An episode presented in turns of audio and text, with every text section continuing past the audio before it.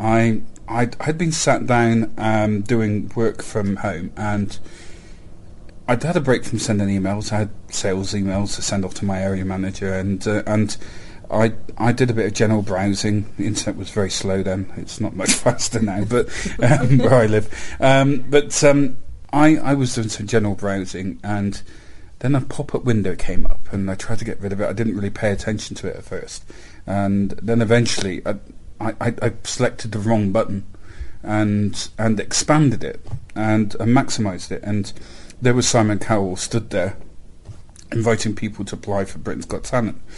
And I got about halfway through applying and I thought, why would they pick you?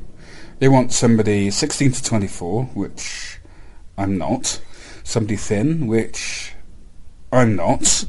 Uh, somebody hand, some somebody really good looking, and I've got a great face for radio.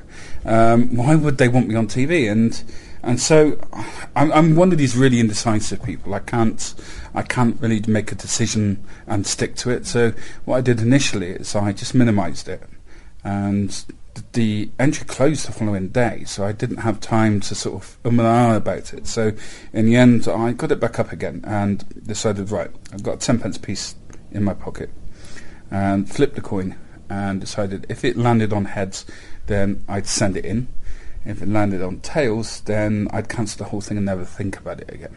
At first sight, that might seem, you know, bearing in mind what's happened over the last seven years, that might sound like a huge risk.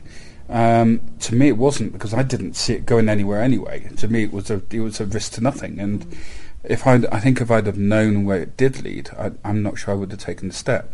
Because if and that's the thing, if you know what you're risking for, yeah. then it, it becomes a weight on your shoulders. So and so that's partly why I've always taken each day as it comes, because then it lowers the amount of expectation and it, and, and it lowers the risk of every performance. Is is that if you're not thinking too far ahead, then you, you're less likely to talk yourself out of it.